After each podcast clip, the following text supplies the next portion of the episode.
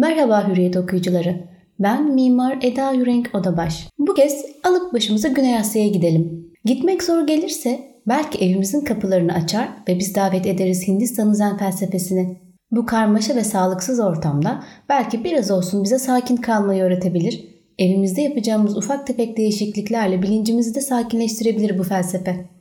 Şimdi zen felsefesi nedir? Önce ona bir bakalım isterseniz. Zen felsefesinin kökeni Hindistan'a dayanmaktadır.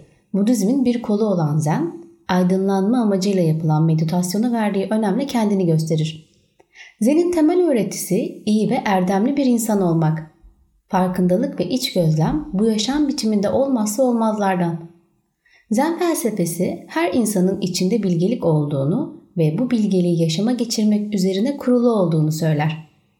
20. yüzyılın ortalarından itibaren Batı'da bir felsefe, bir yaşam tarzı, bir sanat akımı olarak yaygınlaşmıştır. Sadeliği, dinginliği ve sükuneti temsil eder. Şimdi bu felsefeyi nasıl evimize konuk ederiz ona bakalım.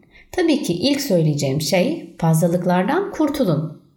Daha ne kadar ileride lazım olacak diye tuttuğumuz eşyalar bize yük olarak kalmaya devam edecek acaba?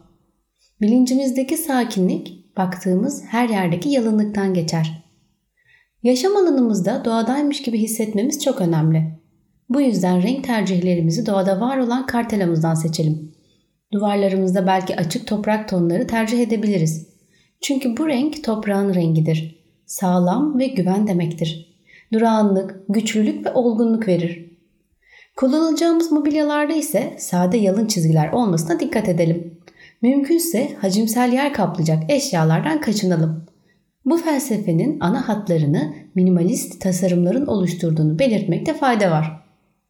Evimizde dolaşma alanımız kendimize ait özel hissedip meditasyonumuzu yapabileceğimiz ferah bir yerimiz olmalı. Evimizi şekillendirirken renklerin birbiriyle uyumuna dikkat etmeliyiz.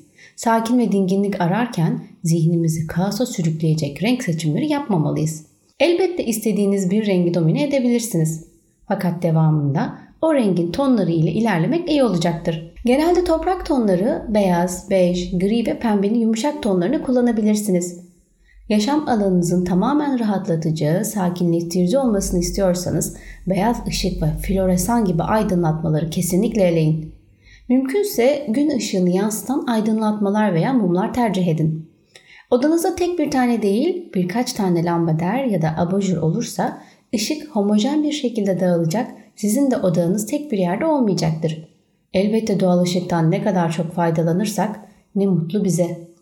Tekstil ürünlerinizde de doğallık önemli. Ham kumaşlar, keten kumaşlar kullanılabilir.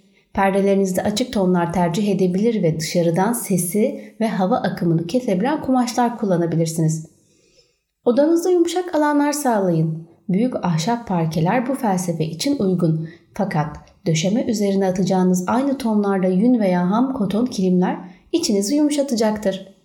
Yatak odanızda ise gün ışığından olabildiğince fayda sağlamak için yatağınızı gün ışığı alabilecek şekilde konumlandırın. Yatak örtünüzü sof kumaşlardan tercih edin ve yatağınızın üzerindeki yastıklar sayıca fazla ise bunları azaltın. Unutmuyoruz, fazlalıklardan kurtuluyoruz.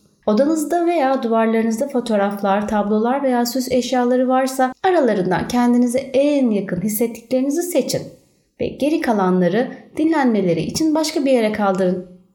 Eğer bu odada bir kitaplığınız bulunuyorsa Zen felsefesi der ki bu kitaplığı güzel bir dekoratif paravanla kapatabilirsin. İçinde yaşadığımız bazen kalabalık eşyalar arasında kendimizi bile kaybettiğimiz evlerimizde zeni bulabileceğimize inanıyorum ben. Kaos olmazsa sakinlik ve huzur da olmaz. Karmaşanın içinde sadeliği, dengeyi ve farkındalığı bulmaktır yaşamda esas olan.